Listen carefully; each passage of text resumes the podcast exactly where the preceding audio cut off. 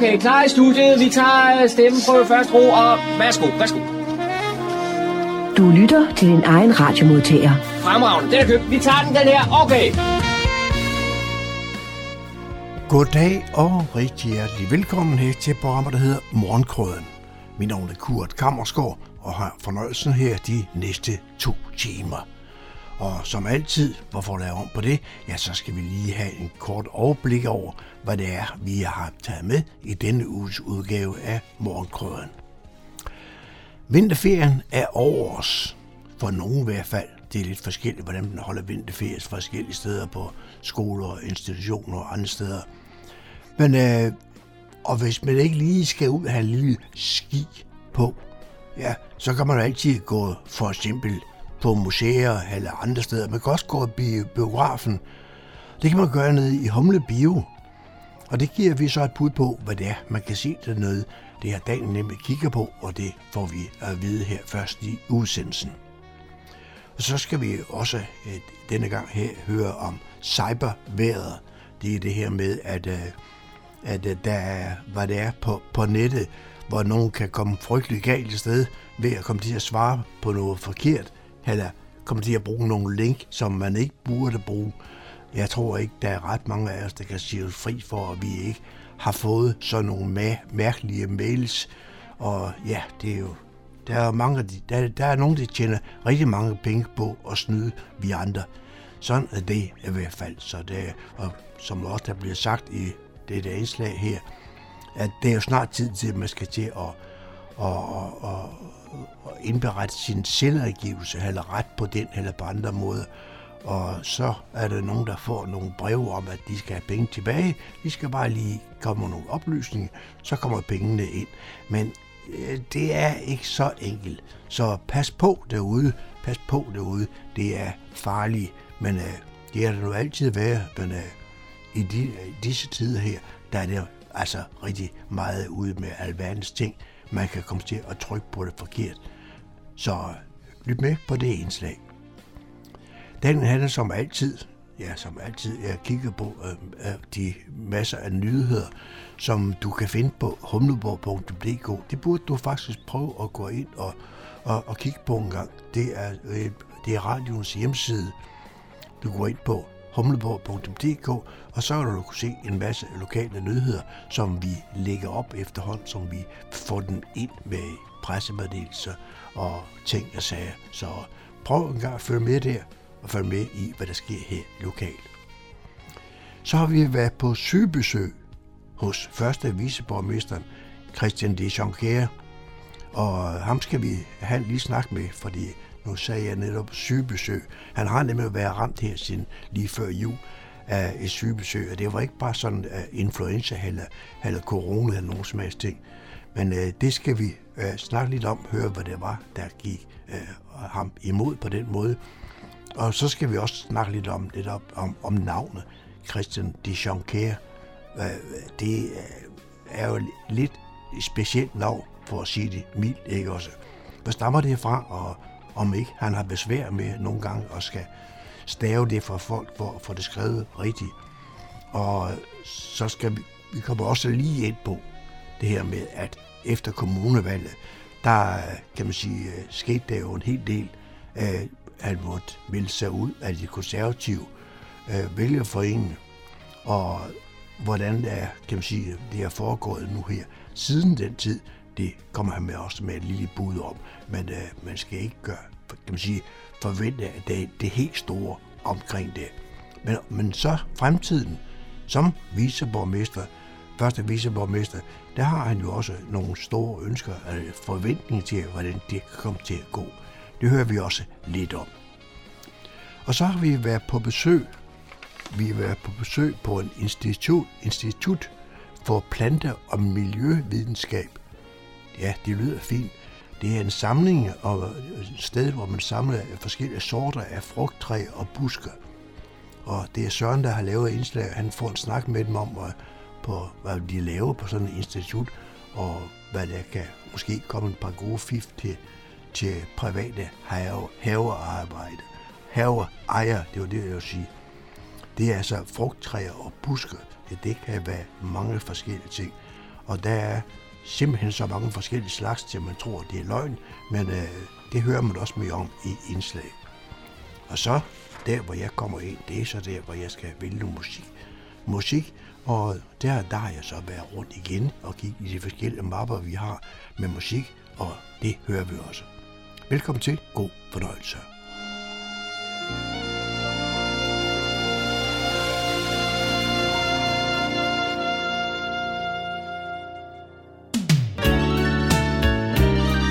lytter til Morgenkrydderen. I studiet er det Kurt Kammerskov.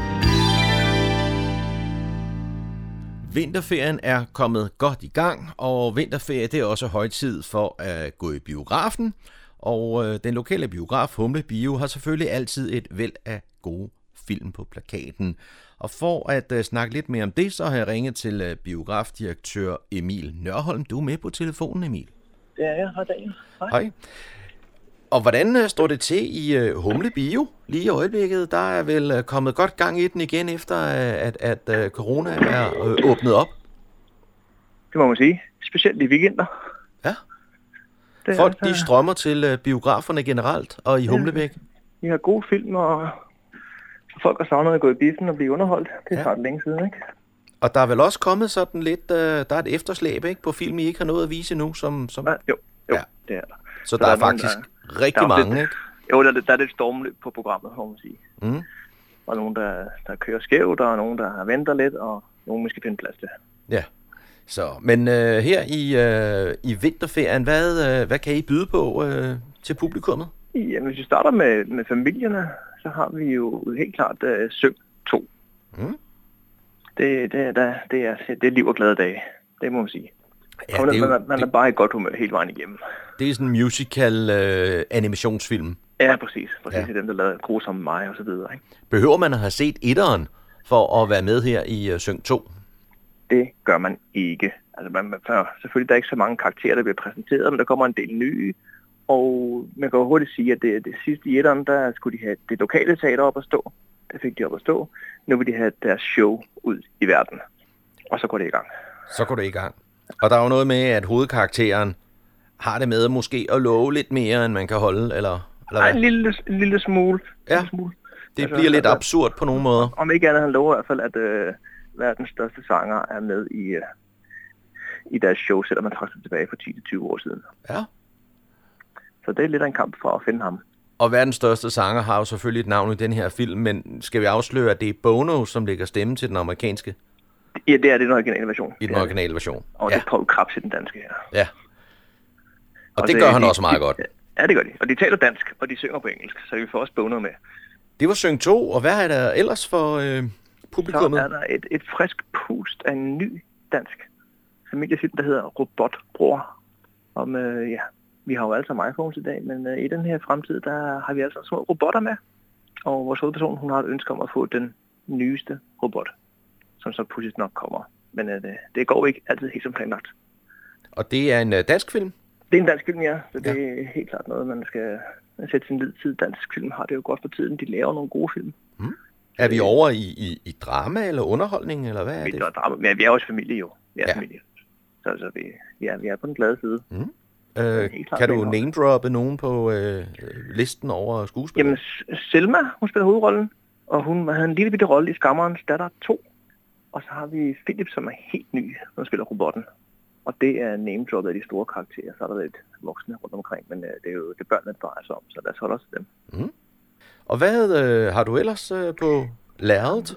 Ja, så har vi også lidt på de helt små faktisk en, der hedder Pils Eventyr, mm. kl. 10 om formiddagen. En lille, lille hyggelig prinsessefilm. Det er sådan Og så er en der- animation, ikke? Jo, det er det. Ja. det, er det. Og så skal vi jo ikke glemme de voksne, når børnene har fået deres fix i løbet af dagen, og de er sat hjem til farmor og farfar. Så kan mor og far komme afsted. Mm. Og der har vi en del. Ja. Det kan både blive romantisk med Tag min hånd. Det kan blive lidt drama, komedie med Vildmand. Så har vi den fabelagtige dokumentar The Lost Leonardo om verdens dyrest solgte maleri. Og så har vi Spencer, der handler om de sidste par dage, hvor prinsesse Diana var i kongefamilien, og hendes, hendes valg om at gå ud. De, de fire film, de, de skifter sådan plads i løbet af ugen kl. 18.30. Så der skal man lige holde øje med hjemmesiden, Ja, hvornår lige, lige at, den rigtige øh, dag, ikke? den rigtige dag er der. Ja. Ja. Og så hver aften kl. 20.45, der har vi Døden på Nilen, mm. Kenneth Branagh, som over. Og det er Det noget, øh, hvordan er det nu? Øh, Ja, det er på Expressen for nogle år siden, ikke? Og nu Det er jo det. er opfølgeren her. Ja. Og hvis man lige tager et stort kryds på fredag, så er der forpremiere på Rose med Mm. Sofie Krobbel og Anders E. Bertelsen. og Rose, hvad, hvad er det for en film? Det er en film om en, en kvinde, der skal møde sin, øh, sin tidligere kæreste i Paris, men hun har også hun har haft lidt uheld, så hun har lidt, lidt psykiske udfordringer. Altså hendes, hendes, liv har ikke gået helt den vej, hun gerne ville, så hun er blevet lidt psykisk belastet omkring det. Det er vir, virkelig øh, varm, varm øh, drama. Mm. Vildt skønt og givende. Jamen, øh, det, det er da et, et godt menukort, du har der. Det er et lille menukort, hvad vi kan blande i en sal, ikke? Jo, jo. Og, Så kører det. Ni titler. Ja. Så der er lidt af det vælge imellem. Og så øh, erfarer jeg også, at hvis vi kigger en lille smule frem, så står der på jeres hjemmeside, at den, som hedder øh, Du som er i himlen, den vender tilbage. Siger den tilbage. Og, og hvordan det, øh, kan det... det, det, det vender tilbage, det er sjovt, når det er sådan noget, systemet plejer at gøre, når man kører det. Og du som er himlen skulle have haft premiere den 6. januar. Ja, Og så, så var der et eller andet noget, der var noget, der synes at vi skulle, det var skulle være lukket, så den blev lige flyttet, og så, så siger systemet, at den vender tilbage. Så den, den starter her. okay. den starter her. Så den, den har premiere den 24. Ja, februar. ja, ja, noget, ja, ja, Ja. ja, det er rigtigt. Hvis vi kigger lidt længere øh, ud i fremtiden, øh, jeg erfarer, at øh, krummerne, som skulle have været op i julen, den, øh, er Den på har også plakaten til marts. Ja, det, ja, det har den. Den er- kommer der til marts stedet for, ja. Det Mm. gør den. Hvis den gruppen 2 gør lige så, skulle også have været i julen. Ja. Og ellers, hvis I, hvis I tør, hvis I kan, hvis I har lyst, hvis I på nogen måde har brug for en vild oplevelse, så skal I se den danske Speak No Evil af Christian Taftrup, ham der lavede forældre og en frygtelig kvinde. Speak no op, evil. Ja, hold op en film. Jamen, hvad, hvad er det? Hvad er det? Jamen, det, det er jo ganske hyggeligt, faktisk. Øh, at øh, du ved, man er på ferie, møder nogle folk fra udlandet, kommer hjem, der ligger et brev, kommer ikke ned og besøger os, det er bare så skønt at være sammen med jer. Det gør vi da. Og Og så, og så ligger det hele, vi, vi prøver at se noget trailer, prøver at se lidt, lidt plakat, se lidt markedsføring af den. Det hele ligger i hovedet på dig. mm-hmm. Der ved ikke, om der sker noget. Jeg kan godt sige, det er ikke, det er ikke en komedie. Nej. Det vil så langt vil jeg godt gå at sige. Det er det ikke. Og nu er han for mindre børn. Stærkt uregnet for mindre børn. Jeg kan godt høre Men på dig, at, at du ikke fortælle for meget. Nej, det, men, men, det er, fordi man, øh, man sidder, jeg fik set den igennem i går, Mm. og man sidder og tænker frem og tilbage, og er det noget, og jeg har set det der trailer, men det er jo ikke rigtigt for dig, sådan er det jo slet ikke. Prøv at se, det er noget helt andet, det er jo super hyggeligt. Og- Men det er det måske ikke alligevel. Og, og, og du kører rundt på suspense. Og Okay. han er virkelig dygtig, Christian Taftrup, til at lave sin film. Hvornår øh, har den premiere? Den premiere er den 17. marts, og jeg husker jeg rigtigt, så har vi den her den 24. Det, en gang i marts kommer den. Den kommer i slutningen af marts. Sidste ja. halvdel af marts. Speak Så no kan man- evil. Speak No Evil. Det er simpelthen ja. øh, det er årets film måske. Det er ikke den største film. Men det er med men du kommer til at huske i mange år. Sådan. Sådan. Emil Nørholm, øh, vi opfordrer folk til at gå på øh, hjemmesiden og booke en Ja. biograf til den lokale bio. Og så er det ellers bare øh, cola og popcorn og øh, fuld skrald ikke? her i vinterferien. Ja. Eller et lille glas vin, ikke? Det er også hyggeligt. Det kan man også. Det kan man også. Emil Nørholm, jeg vil øh, sige tak for snakken her og øh, ønske held og lykke med de forskellige aktiviteter og arrangementer, ja. som I har i foråret. Du lytter til Radio Humleborg, din lokalradio i Fredensborg og omegn. Cyberværet med IT-sikkerhedseksperten Leif Jensen. Velkommen til Cyberværet for u 6. I den kommende uge kan vi forvente en frisk cybervind fra skiftende retninger. Mit navn er Leif Jensen, og jeg har arbejdet professionelt med IT-sikkerhed i snart 30 år. Min viden og erfaring, dem vil jeg meget gerne bruge til at holde dig opdateret om aktuelle hackerangreb, cybertrusler, online-svindel og andet, der vedrører stort set os alle sammen, både privat og ude i virksomhederne. Servicevirksomheden Swissport International, der arbejder for 310 lufthavne i 50 lande, blev i sidste uge ramt af et ransomware-angreb. Dette gik indirekte ud over flytrafikken, hvor det forårsagede mindre forsinkelser for 22 fly fra Zürich Lufthavn. Det skriver mediet Bleeping Computer. Til jer, som ikke lige helt er med på, hvad et ransomware-angreb er, så er det et angreb, hvor offerets filer bliver krypteret eller kodet, om man vil, og så kan de kun genskabes med den rigtige nøgle. Og den nøgle forsøger de IT-kriminelle bag angrebet, således at sælge til en høj pris til offeret. Betaler man ikke, ja, så må man i gang med at genetablere sine data fra sikkerhedskopien. og det kan være en ret stor opgave. Både myndigheder og IT-sikkerhedsindustrien anbefaler, at man ikke betaler denne løsesum, men det er desværre ret mange, som føler sig nødsaget til det, hvilket gør, at det er blevet en milliardforretning for de IT-kriminelle. Så er det snart ved at være sidste udkald for at skifte fra NemID til det nye MitID for at kunne logge ind på din netbank og andre services, som for eksempel e-boks og skat. I sidste uge havde MitID dog en noget uheldig episode, for når man mandag morgen forsøgte at gå ind på deres hjemmeside, så blev man mødt af en advarsel om, at der var et eller andet galt med sikkerheden. Der var tale om et såkaldt certifikat, som ikke var blevet fornyet i rette tid, men det var stadigvæk et uheldigt signal at sende. Siden kom til at køre normalt igen senere på dagen. Jeg har jo selv lige skiftet fra NemID til MitID, og må sige, at det forløb ganske let og smertefrit. Der er dog nogle bekvemmelighedsfunktioner i den nye app, som jeg savner, men må ikke de kommer i en opdatering i løbet af foråret. Husk nu, selve skiftet skal du foretage fra din netbank, og aldrig ved at klikke på et link i en mail, som du modtager.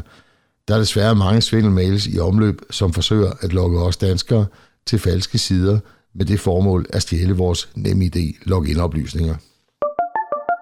Så er den gal igen med fupmails om antivirusprogrammer. Det advarer forbrugerrådet Tænk om via deres app Mit Digitale Selvforsvar.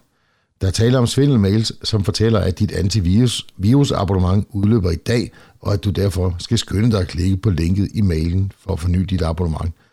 Kigger man nærmere på linket, som man jo altid skal gøre, inden man klikker, ja, så vil man opdage, at det ser meget suspekt ud og ikke har noget som helst med antivirusprogrammer at gøre. Så det eneste, du skal klikke på er, ja, du gættede rigtigt, slet mail. Ligeledes via appen Mit Digitale Selvforsvar oplyser forbrugeråret Tænk, at der for tiden er brugere, som rapporterer, at de er blevet ringet op af svindlere, som udgiver sig for at være enten fra banken eller politiet, og lige skal verificere nogle oplysninger. I tilfælde med banken, så siger de, at der er sket nogle uautoriserede transaktioner på kontoen, og beder dig så eksempelvis om dit login til NemID, og i nogle tilfælde om at sende et billede af dit NemID-nøglekort. Det skal du selvfølgelig aldrig gøre. Det eneste, du skal gøre, er at lægge røret på, og ring så eventuelt til din bank og spørg, om alt ser ok ud. Det er godt nyt for os forbrugere, når de store tech-virksomheder strammer op omkring sikring af privatlivsindstillingerne. Men for tech-virksomhederne selv, så er det knap så godt, for de lever jo som bekendt af at vide så meget som muligt om os.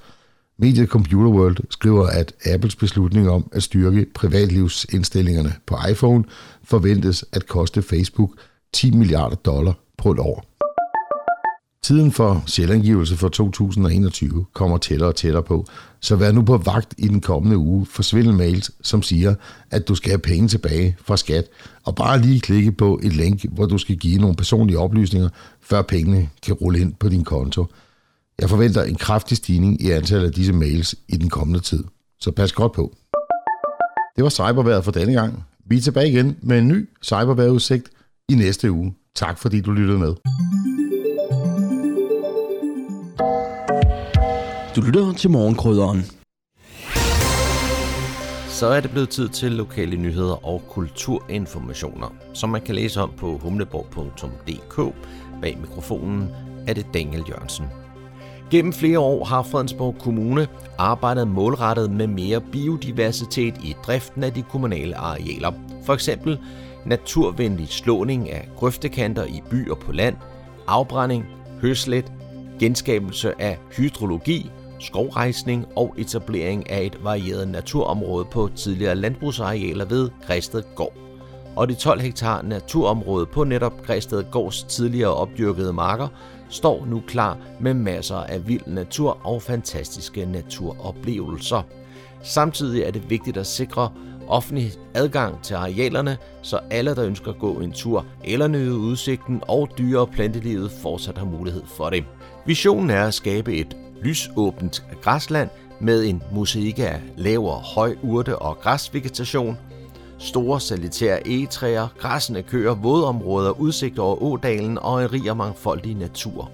Det nye naturområde skal skabe rum til blomster, insekter, bier, fugle og frøer. Fredensborg Kommune afprøver forskellige former for naturpleje for at se, hvad der virker bedst og skaber mest biodiversitet. På nogle arealer græsser køer, på andre steder udsås frøblandinger med vilde blomster. Der laves også nye trampestier, så man kan opleve området fra nye steder og gå ture uden at møde en løs ko.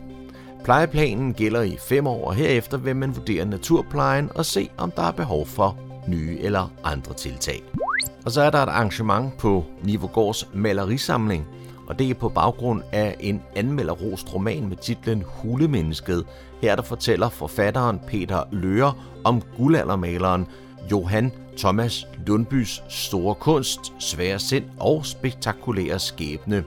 Det sker i foredraget Løer om Lundby, og det er tirsdag den 22. februar kl. 17 på netop Nivergårds malerisamling.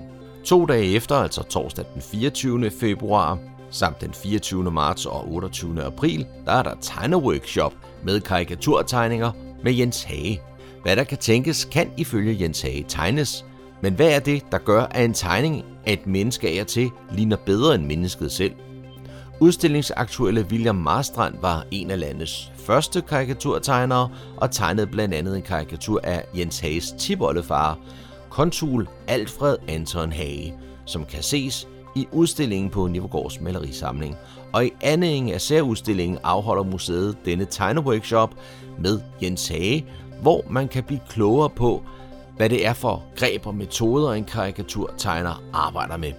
Prøv også selv at tegne og blive tegnet. Alle kan være med. Og det er altså på de nævnte datoer 24. februar, 24. marts og 28. april, og det er kl. 15 til 16. En helt ny og spændende teaterforestilling er på vej hos Niveau Amatørteater. Det er med sange inspireret af Nis P. Jørgensen, som nok er mest kendt for teksten til I en lille båd, der gynger, som mange kender med Bamses venner. Og så var han en årrække bosiddende i Fredensborg. Det er Apollonia Svare, et af Niveau Amatørteaters yngre medlemmer, der har skrevet et stykke, der er blevet inspireret af netop Nis P's sange. Det beskriver nogle af de udfordringer, livet kan give nutidens unge. Udover skuespil og musik er stykket krydret med danse, en nyskabelse på Niveau Amatørteaters skråbrædder. Forestillingen har premiere søndag den 6. marts kl. 15, og derefter spilles den den 9. marts, den 18. marts og den 19. marts. Billetter bestilles på niveauteater.dk. Det var, hvad vi havde af lokale nyheder og kulturinformationer for denne gang. De er at læse på humleborg.dk. Bag mikrofonen var det Daniel Jørgensen. Næste indslag omhandler lokalpolitik i Fredensborg Kommune. Vi går på søbesøg over hos Christian Deschampier. Christian, øh, sygebesøg. Nu får du så hjemmebesøg i stedet for, ikke også? Hvordan, øh, hvordan har du det? Jo, jeg har det aldeles fortrinligt, ja. men selvfølgelig har det været noget af en hård omgang. Ja. Den 13. i 12. at blive ramt af blodprop ja. i hjertet, uden nogensinde at have fejlet noget. Ja. Øh, blive lagt i koma øh, i seks dage, og så en firedobbelt bypass-operation. Nyrene, der var stået af og corona, men jeg er kommet igennem det hele. Så både min kone har været rigtig omsorgsfuld, øh, og hvor herre har måske også været lidt med. Men nu har jeg det aldeles fortrinligt. Øh, nyrerne er kommet fint i gang, øh, og jeg er kampklar til de næste fire år i byrådet, både som første visborgmester og som næstformand i økonomivalget, og ser meget frem til det. Det siger, da du endnu var inde, så var, samlede du ligesom lidt sammen, kan man sige. Du havde mange ting, da, da de alligevel havde indlagt på sygehuset. Og så er man jo glad for, at man betaler sin skat, og de går til, til nogle gode ting her, her i landet, ikke? Det må man sige. Jeg har fået en fremragende behandling. Dybt, dybt kvalificeret, øh, må jeg sige. Jeg har været meget imponeret af, af, af vores system, øh, og herunder Rigshospitalet. Det har simpelthen været nogle helt optimale hjertelæger, der samtidig har haft omsorgsgenet helt klart. Så det har været spændende øh, at opleve det for en sygeseng. Det har været faktisk på en måde et privilegie at opleve. Jeg skal lige starte med at spørge dig om noget. Dit navn, Christian de Deschampier, og nu ved jeg ikke, om jeg udtaler det rigtigt, men jeg kunne forestille mig, at du har været den, at når du har i telefon for eksempel eller øh, hos nogen at sige dit navn, så har du skulle stave det mange gange, eller hvad? Jeg skulle blandt andet mange gange på hospitalet sige mit fulde navn, som jo er Christian Godfred de Dompierre de Jonquière. Okay. Så alle sygeplejerskerne fik ja. historien øh, om at ygenotterne, ja. Jean Calvin, det nandiske digt, Henrik den 4., Ludvig den 14. og Richelieu, der ophævede den nandiske digt om vores historie. Vi kom til Danmark i 1798 og har været her øh, siden da. Men, men navnet er jo lidt specielt, og jeg kan se i en retsbogsudskrift, nu har jeg også været advokat, der stod der engang ikke Jean Kjær, men fuldmægtig Søren Kjær. Nå, okay. Som mange, for, der har, og jeg er også blevet kaldt for her Pompadour ja. og alt muligt, så Kjært barn har mange navne. Ja, ja. Der var, der var også noget med noget Christian den 4. engang, ikke også? Var det ikke det? Jo, det, det, var, det var en gang, hvor vi, da jeg sad i byrådet, hvad jeg jo har gjort tidligere, havde vi et møde på Else Marie plejehjemmet, Social- og Sundhedsudvalget, og der var vi rundt for at tale driftsoverenskomst, og var ind og hilse på de lidt ældre damer. Og der kommer jeg ind til en ældre dame og præsenterer mig, Christian de Jonquière, så siger hun på mig, nej dog, Christian den 4. Ja. øh, og det grinede vi meget af, og jeg har så sagt senere hen jeg, om til vores borgmester, at i fremtiden beder jeg ikke om ordet, men jeg tager det bare. Jeg det har han taget til efterretning. Men øh, slægten, kan man sige, øh, det er, det, det er fransk, eller hvad er det? Ja. Det er fransk, øh, og familien var tæt på kong Henrik, den 4, kong Henrik af Frankrig. Ham, der sagde, at Paris er vel en messe værd. Så han holdt hånden over os. Da der var den berømte Bartholomeusnat, hvor man halshuggede alle dissidenter herunder Ygenotter, der overlevede vi, ellers sad jeg ikke her, Kurt, og lavede interview med dig. Så vi overlevede, og han beskyttede os, og indførte så det nandiske digt, der beskyttede både jøder og muslimer og, øh, og øh, ygenotter. Øh, så øh, så det, det, er sådan set lidt historien. Ja, okay. øh, og, så vi, og vi stammer lidt fra en by, øh, der ligger en, lidt 100 km nordøst fra øh, for Paris, ja. i nærheden af Compiègne-distriktet. Ja. Er det så er det et sted, at kan man sige, der er et familieudspring? Du kommer der på besøg, eller hvad? Jeg har været der på besøg øh, nogle gange, men øh, der er noget, der hedder Chateau de Jonquière, men, men det ligner ikke meget et chateau. Der kommer ah, okay. lidt ned, når man ser det. Men det er en, en lille hyggelig landsby. Ja. Øh, og familien hed egentlig de Dompierre Seigneur de Jonquière, og det blev så til de Dompierre ja. de Jonquière. Ja. Men, uh, men jeg går ud fra, at det er ikke er et navn, der er lige så almindeligt som Nielsen er her i Danmark, vel? Nej, der er ikke mange, der er ikke mange af os. Nej. Og her, her, her i, i Danmark, uh, der er vi otte. Ja, altså min hustru bærer jo også navnet. Ja. Hun hedder Anne-Birgitte Gammeljord, men hun bærer også navnet. Ja, okay, ja. Ja, så, så det ja. Og hun måtte i øvrigt engang tage navneforandring på hendes hvilsertest, står der Anne-Birgitte Gammeljord de Jonquière, men hun blev ringet op af tinglysningsdommeren i Hobro, der sagde, kan du ikke lave dit navn om? End fordi vi kan ikke tage dit, dit navn i vores tekniske systemer, så enten kan du lave død om til en bindestreg, eller hedde øh, de Jonquière Gammeljord. Ja. Så sagde jeg, at vi kan aldrig lave mit dø om til en bindestreg, men så lavede vi det andet. Og så fik hun engang en indbydelse fra det offentlige, hvor der så stod Jonquière de Gammeljord. Ja, okay. Ja, ja, ja okay. Ja. Ja.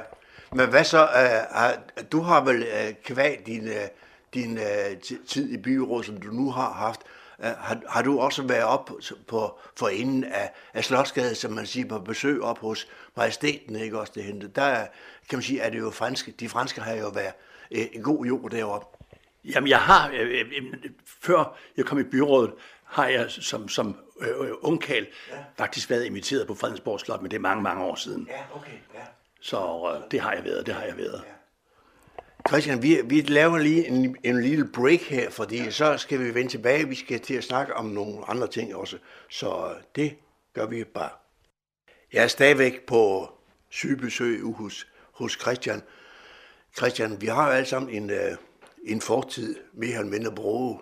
Det skal man sige, der er ikke nogen af os, der måske er altid er stolt af det, vores fortid. Uh, politisk her sidste efterår, der var du ude for noget, som øh, jeg ved, at du ikke var meget for. Du havde du var der meget imod, eftersom du øh, igennem flere år, eller mange år endda, øh, altid har kunne sige, jeg er konservativ. Kommunevalget, det gik jo godt nok, du blev valgt ind, men der var jo noget, som vi har lige aftalt, at det er ikke noget, vi skal gå i dybden med, men var, var det det værd, Christian? Altså jeg vil sige det på den måde, at jeg vil ikke rigtig tiltage mig ledige stunder med henblik på at foretage historiske studier. Men det er klart, øh, at der var en problemstilling omkring konstitueringen, hvor øh, Ulla Hardy Hansen og jeg synes, vi gjorde det rigtige. Det synes partiets lokale ledelse, og heller ikke det konservative ledelse var rigtigt deres. Og der må man vel sige, ligesom i Luxembourg for livet fra 1966, øh, om vi kan være enige om, at vi er uenige, øh, og så ser vi fremad. Men når du spørger, om der er noget, jeg fortryder, så vil jeg sige, at der er ikke noget, jeg fortryder i hændelsesforløbet overhovedet. Men det er klart, at kende de holdninger, der er i dag, så vil jeg ikke gøre det samme i dag. Men, men, men skruer jeg tiden tilbage, så vil jeg gøre nøjagtigt det samme. Eller jeg fortryder jeg intet. Men øh, er, er det, har det betydet noget for, hvad skal man sige, din, øh, din øh, venskabskreds, eller på andre måder, at, at du er en anden i dag, end du var, kan man sige, sidste efterår? Nej, jeg, jeg er ikke en anden i dag.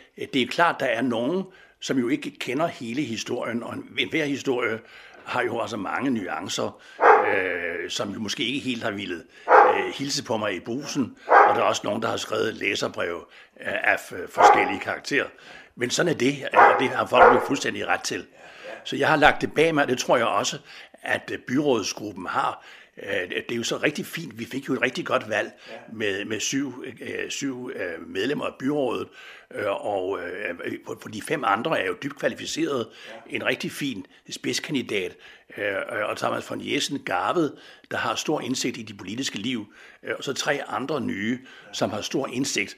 Så jeg håber, at vi kan etablere et fint samarbejde i byrådsperioden herunder under budgetforhandlinger, øh, og måske også drage nytte af, at vi trods alt alle syv er konservative i hjertet, men altså ikke af navn. Ikke, ikke, ikke navn. Øh, har, ser du øh, ude hos sådan en mulighed for, at du igen kan skrive øh, konservativ på din øh, visitkort? Jeg, jeg, jeg synes, det, det er vanskeligt at se øh, ud fra en betragtning om, at der blev kørt en eksklusionsproces. Og det er klart, det er dit dybt sår. Der er noget, der hedder tiden lærer alle sår. Og det vil jeg også arbejde målrettet på, men det er altså ikke noget, jeg ser for mig. Jeg har ikke noget aktuelt ønske øh, om at melde mig ind, men altså, man skal jo aldrig sige aldrig. Vi må se, hvad der sker i denne her fireårsperiode. For du sagde, at du har ikke ønske om, om at melde det ind, fordi det var jo netop sådan, det var, at uh, du er blevet ikke smidt ud, du, bliver, du meldte dig selv ud, ikke også? Jeg, jeg, jeg meldte mig selv ud. Ja på grund af, at jeg synes, det at ville køre en eksklusionssag, ja. og den måde, den skulle køres på, synes jeg ikke, jeg synes var helt fair, ja. og derfor, og det synes Ulla heller ikke, og derfor så meldte vi os ud. Og det var jo ikke den lokale, kan man sige, vælgerforening, der, der ligesom øh, havde løftet pegefingret op imod jo. Det var jo op på højere instans, ikke også? Jeg, jeg skal ikke vade mere i det, men det var på højere instans, ja. Okay.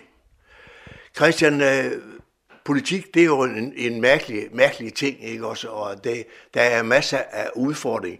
Nu har du fået den, øh, øh, kan man sige, øh, titel af første viceborgmester, ikke også? Og det, øh, er det noget, som du kan bruge til noget, eller er det noget, du har set hen til, du gerne vil, øh, vil, vil have den titel, ikke også? Fordi det, med din alder, øh, vi er sådan, ja, du, jeg er så lidt ældre end dig, ikke også? Men du har jo ikke nogen ambition om, at du næste gang, så bliver du øh, første viceborgmester, eller første borgmester, eller hvad? Nej, den ambition har jeg ikke. Men når du stiller spørgsmålet, havde du stillet mig spørgsmålet op til den 16. november, øh, så ville jeg have sagt, at jeg selvfølgelig er kampklar i 2025, i 2029, og så vil jeg sige, at jeg vil måske overveje situationen i 2033. Nu er situationen lidt anden, men man, man skal jo aldrig sige aldrig. Men jeg ser det altså ikke for mig, at jeg er klar i 2025.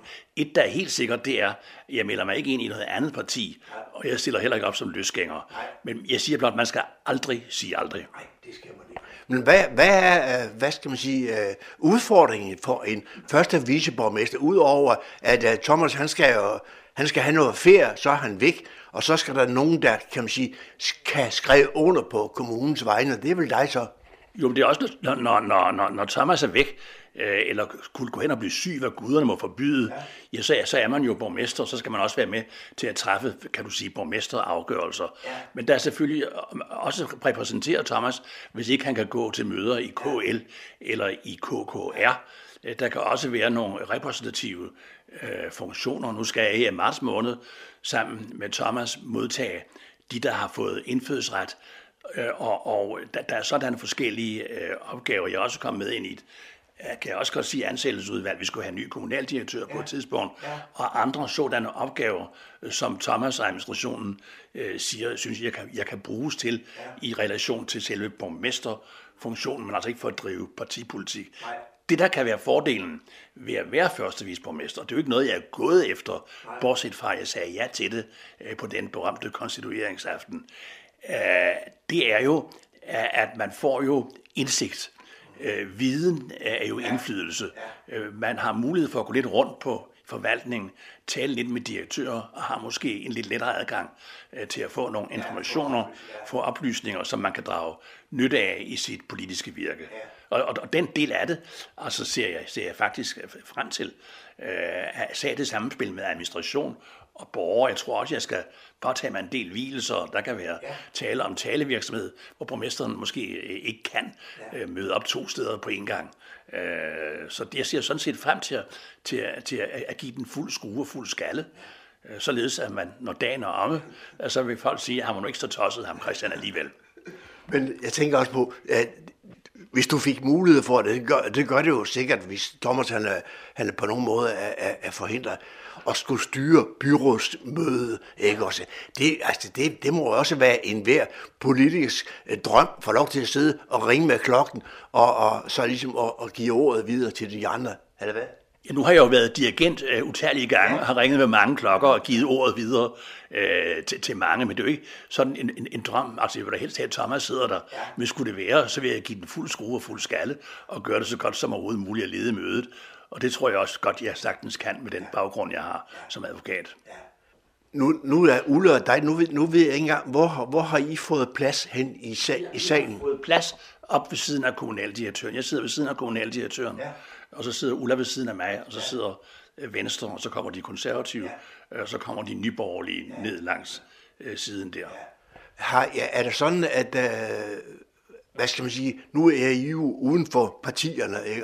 hvad hedder det, UP, eller hvad hedder det? Ja, ja. Er, er, er I så nødt til, dig og Ulla, skal være enige om alting, eller kan man sige, øh, skal I agere som et parti, eller må I godt øh, sige, hey, ja, hvad er jeres øh, mening om en sag?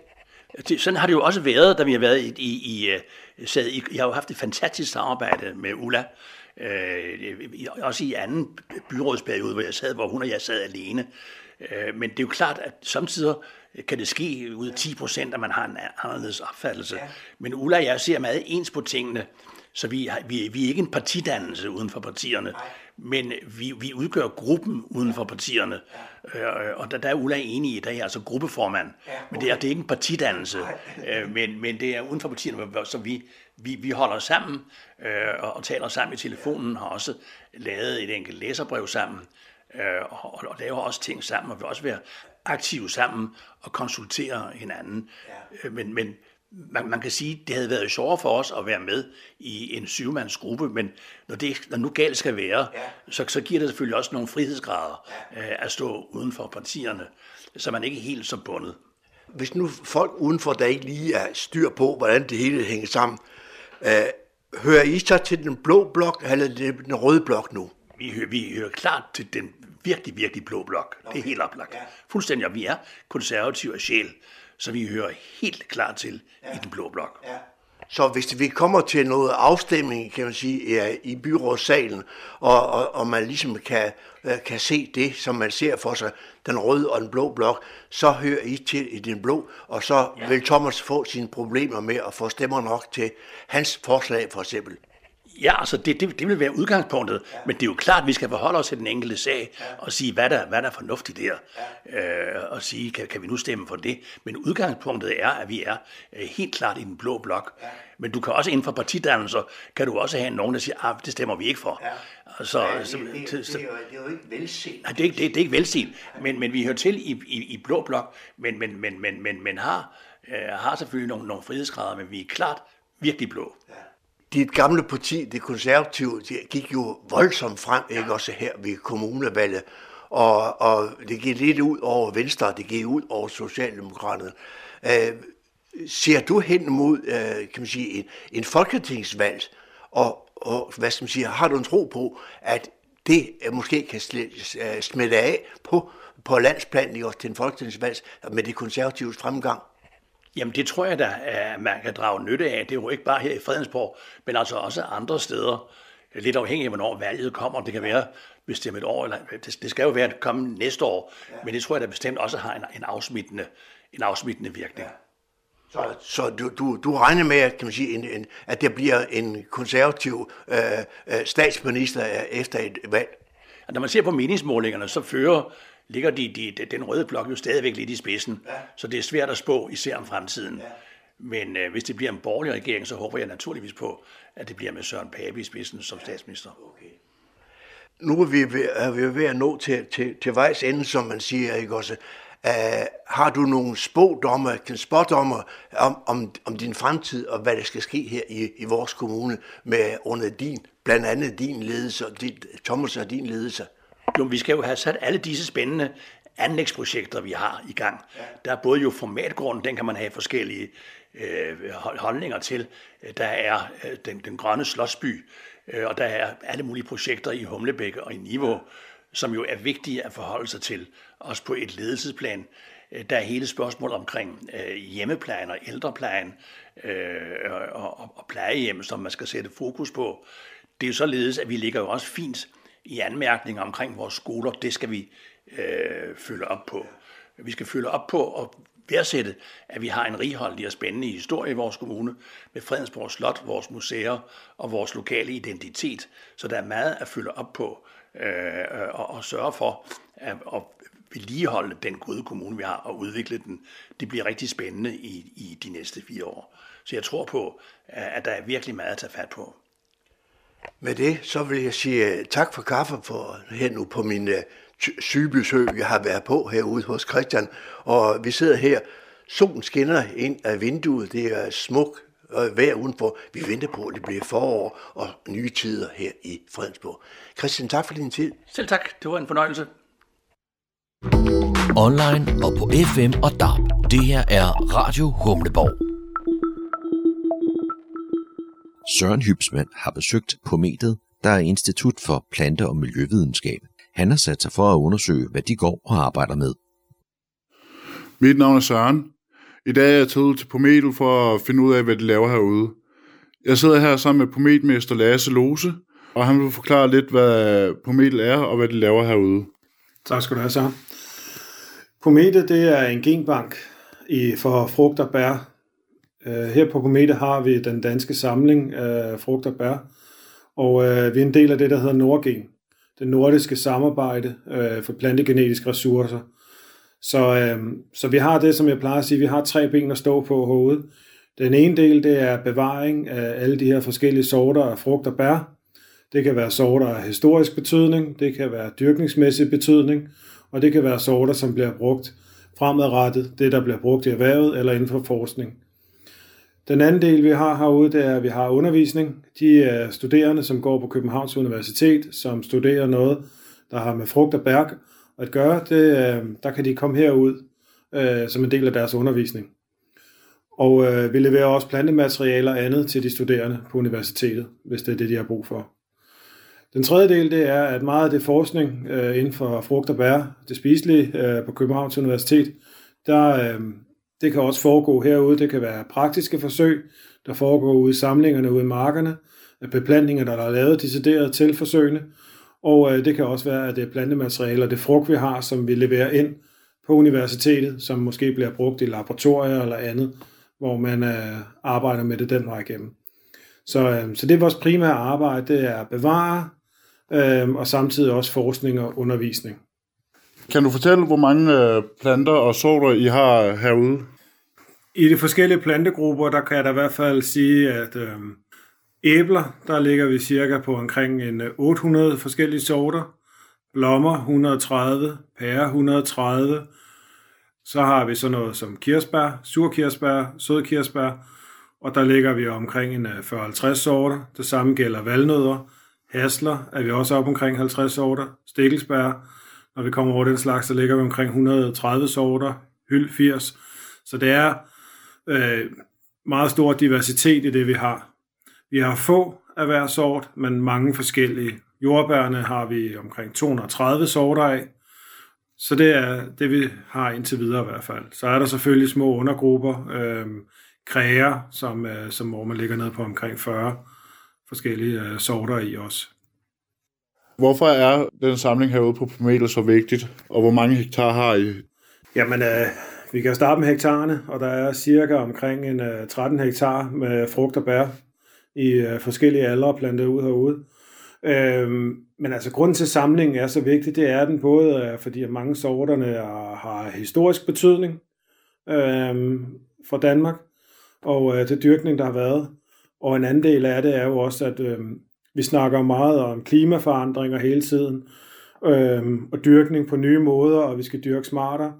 Og, øh, og der er det sådan, at når man har så stor en diversitet, som vi har herude af genpulje, så, øh, så er det endnu mere vigtigt at bevare nogle af de her ting, fordi mange af de her gamle sorter øh, har været dyrket i flere hundrede år og har egentlig tilpasset sig det udsving, vi har i vejret. Øh, så derfor så, øh, så ved at putte dem ind i nye dyrkningssystemer, så kan de lige pludselig noget helt andet, end hvad man havde kunne forventet før. Så, øh, så derfor så er mange af de her sorter faktisk vigtige, også fremadrettet. Og det kan vi se, når vi går og arbejder med det herude på Pometet, at, at mange af de her sorter i, tilfælde, i, i de hver dage, hvor vi har, eller perioder, hvor vi har meget skiftende vejr, øhm, jamen der klarer nogle af dem så lige pludselig meget bedre end øh, flere af de moderne sorter. Øhm, selvfølgelig er der også nogle af dem, som, som klarer sig rigtig dårligt, Øh, men der er bestemt også nogle, som lige pludselig bliver mere fremtrædende, også når vi prøver dem af i nye dyrkningssystemer, at de bestemt kan levere noget, som man ikke har forventet. Hvor længe har Prometet eksisteret i sin nuværende form? Jamen altså, pometet her i Tostrup, det har ligget her siden øh, 56, og øh, før han lå det inde på Frederiksberg, men i takt med, at der blev bygget mere til ham på højskolen dengang, så rykkede det herud i Tostrup, og øh, her er det lige så stille vokset undervejs. Det, øh, mange af de samlinger, der er herude, bliver der bygget på løbende, øh, og kommer nyt til, når der har været lavet indsamlinger rundt omkring i Danmark. Så, øh, så det er cirka øh, den tid, der har ligget herude indtil videre. Og øh, der kommer hele tiden nyt til, og, øh, og selvfølgelig også i forbindelse med nye projekter og indsamlinger har vi også. Hvor mange ansatte plejer jeg at have herude? Jamen altså i det faste personale til at og passe på metet herude. Øh, der plejer vi at være 7-8. Øh, cirka 4 gardner. Øh, og så har vi en 3-4 elever løbende, øh, gardnerelever. Og øh, vi kan godt lide at have elever herinde øh, at arbejde med, og det kan vi, fordi at, øh, det er vigtigt at uddanne elever, der arbejder inden for frugtavl, og, øh, og samtidig også for at, at, at stikke lidt til os og spørge os, og hele tiden stille spørgsmålstegn til, hvad vi går og laver. Øh, det er jo det, elever kan. De er nysgerrige på at arbejde med det her, og så kommer de lige pludselig og stiller spørgsmålstegn til, hvad, hvorfor gør I det, og hvorfor kunne man ikke gøre det på en anden måde.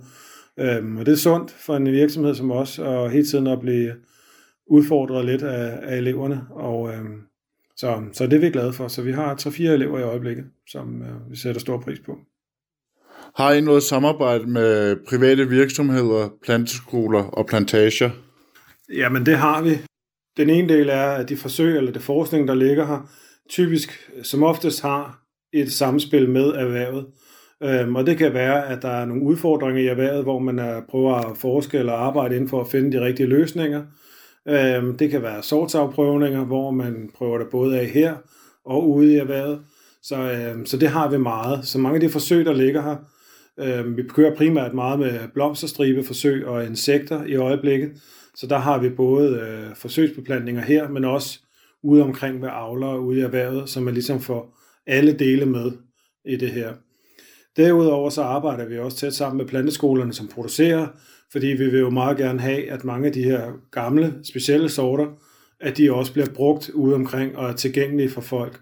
Så derfor så er der adgang for erhvervet, at øh, de kan komme ind og prøve at se og smage, og, øh, og, og prøve noget af det af, og eventuelt også øh, kan vi levere formeringsmateriale, så de kan sætte en produktion i gang.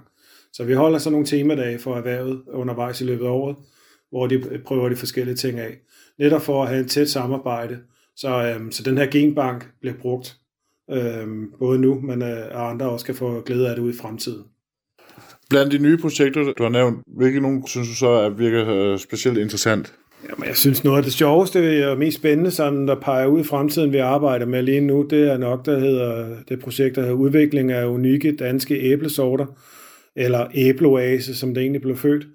Og øh, det er sådan et projekt, hvor man har, har udvalgt øh, cirka 55 af de sundeste danske sorter her, af dem, der klarer sig bedst, og så har man taget frø, øh, kerner fra, fra de æbler, og sendt det ud til private rundt omkring i hele Danmark, der har meldt sig til, de gerne vil være med. Og de danskere, de har så dyrket de her træer i nogle år nu, og øh, de er begyndt at bære frugt rundt omkring.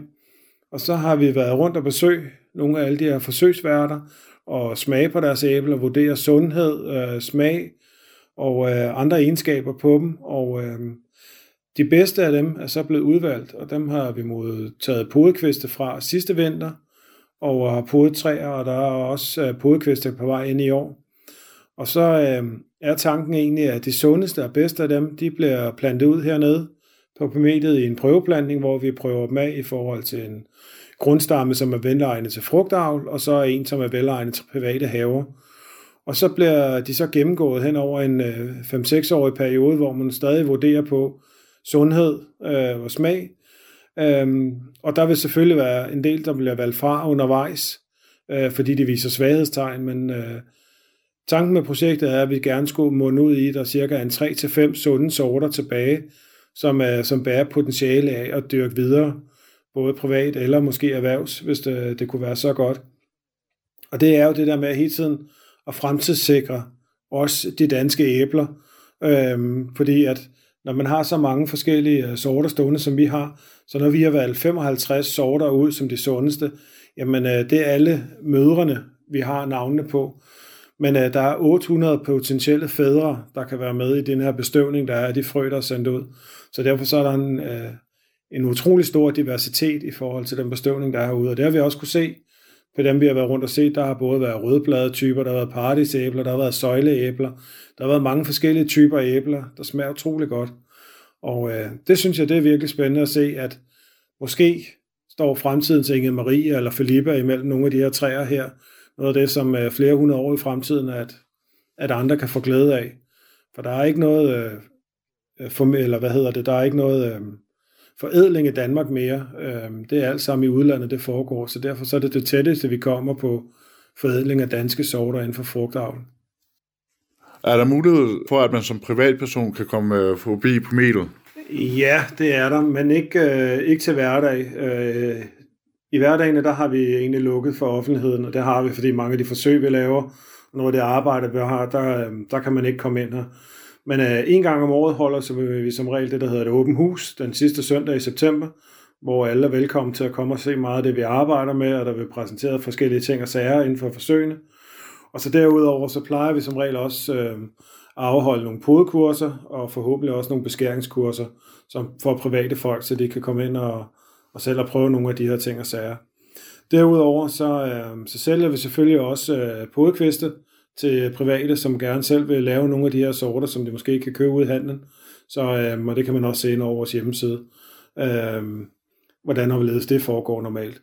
Men øh, hvis der ikke er noget, der hedder corona, så har vi nogle dage, hvor at, øh, folk de kan komme ind, og det kan man også se ind på vores hjemmeside, eller vores Instagram, eller vores Facebook-profil, hvor man kan følge med i den slags, hvad der foregår overhovedet. Har du nogle gode forslag til folk med private haver?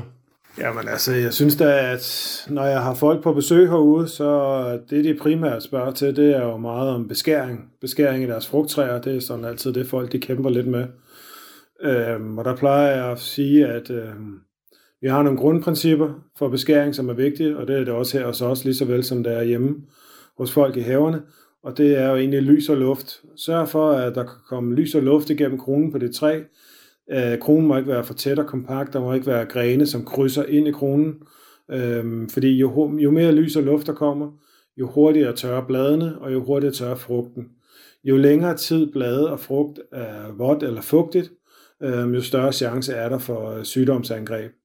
Og det er der i forhold til, at svampene de har længere tid til at etablere sig enten på bladene eller på frugten.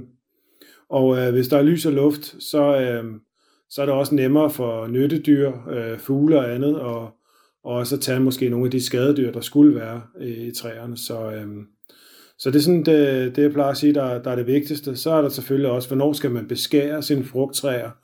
Og øh, sådan noget som kernefrugt, æble, pære blandt andet, jamen det kan man jo beskære om vinteren, øh, nu her på den her årstid her i januar-februar måned. Øhm, og ellers er også sommerbeskæring også øh, faktisk at foretrække, fordi når træerne er i vækst, så er de også hurtigere til at lugte og sov, og man får ikke helt så meget genvækst det følgende år.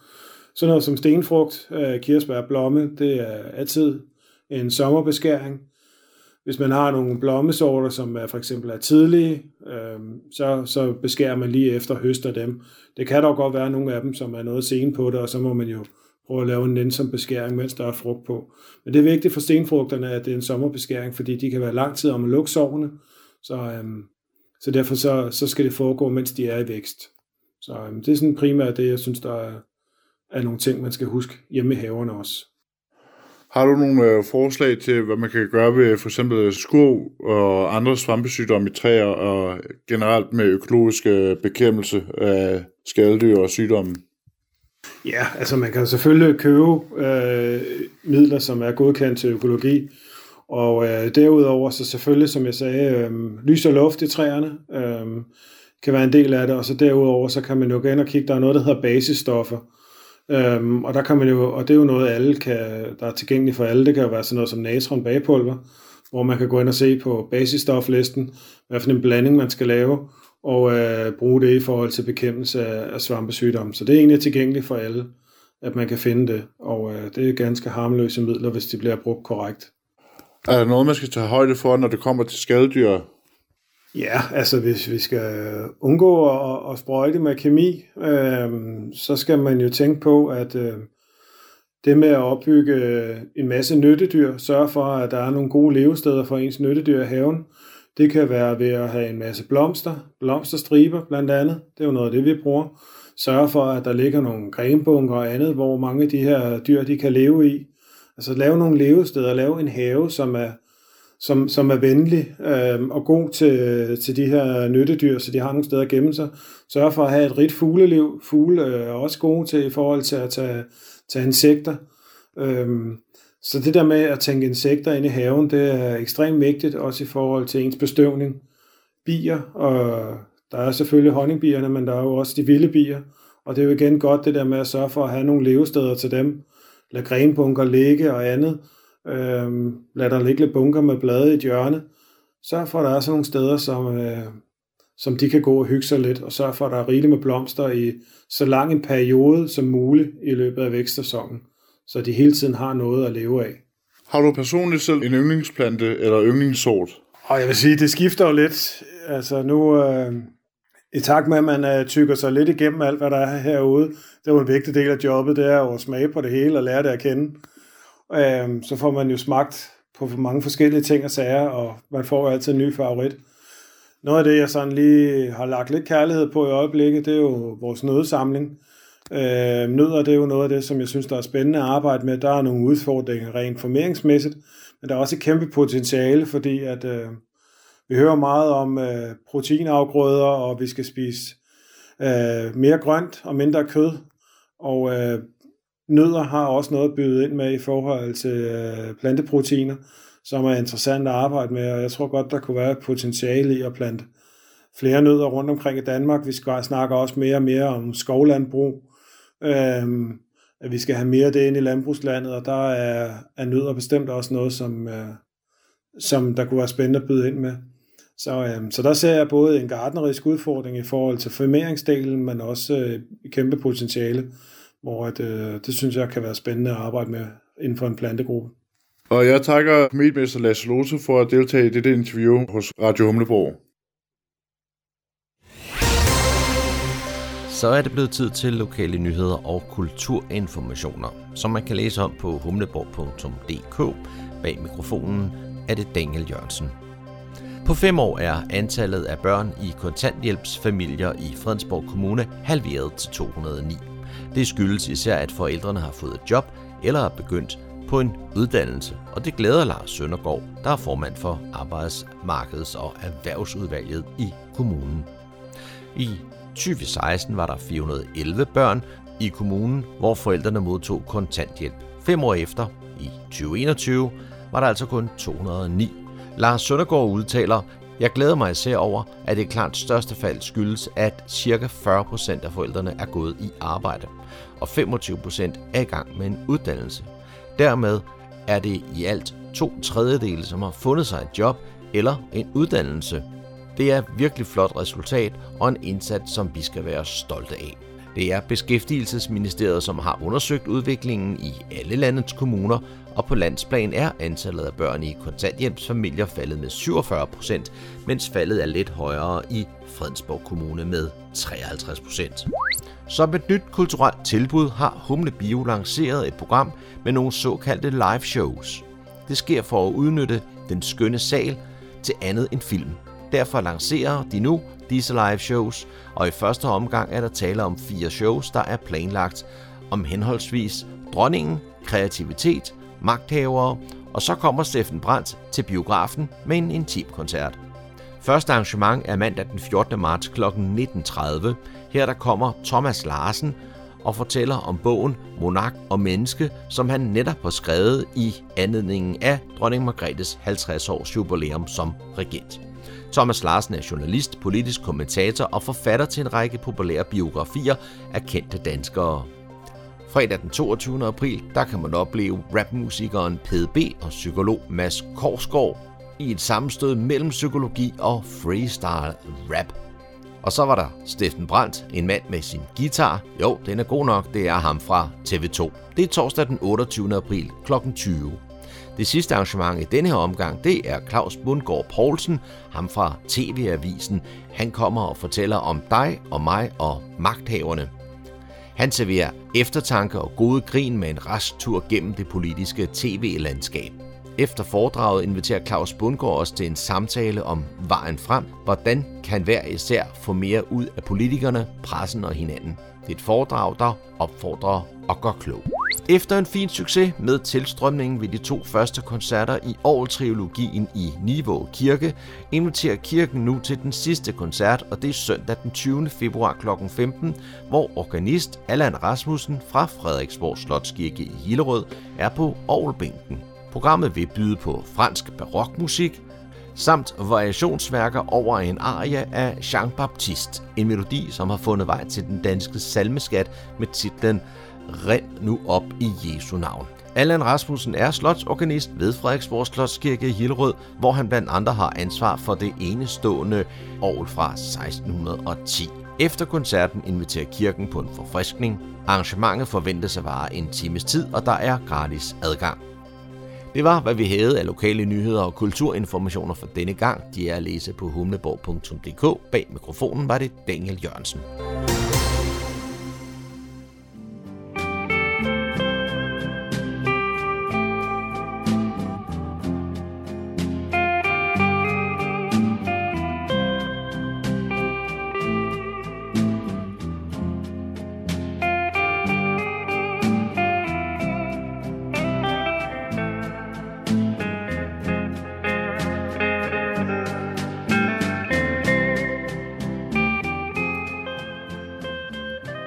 Toner fortæller os, at vi er nået til afslutningen på denne uges udgave af programmet, der hedder Morgenkrøden.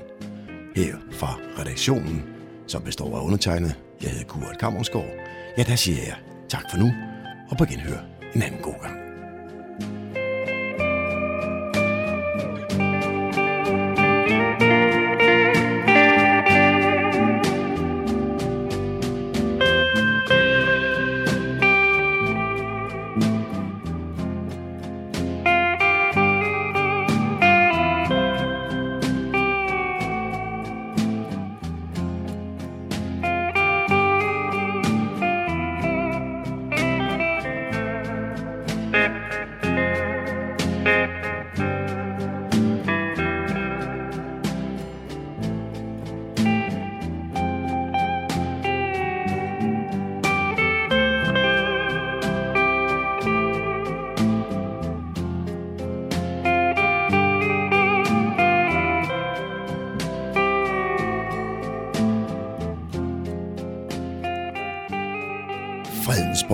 Lokalradio, Radio Humleborg, Nordsjællands mest voksne lokalradio.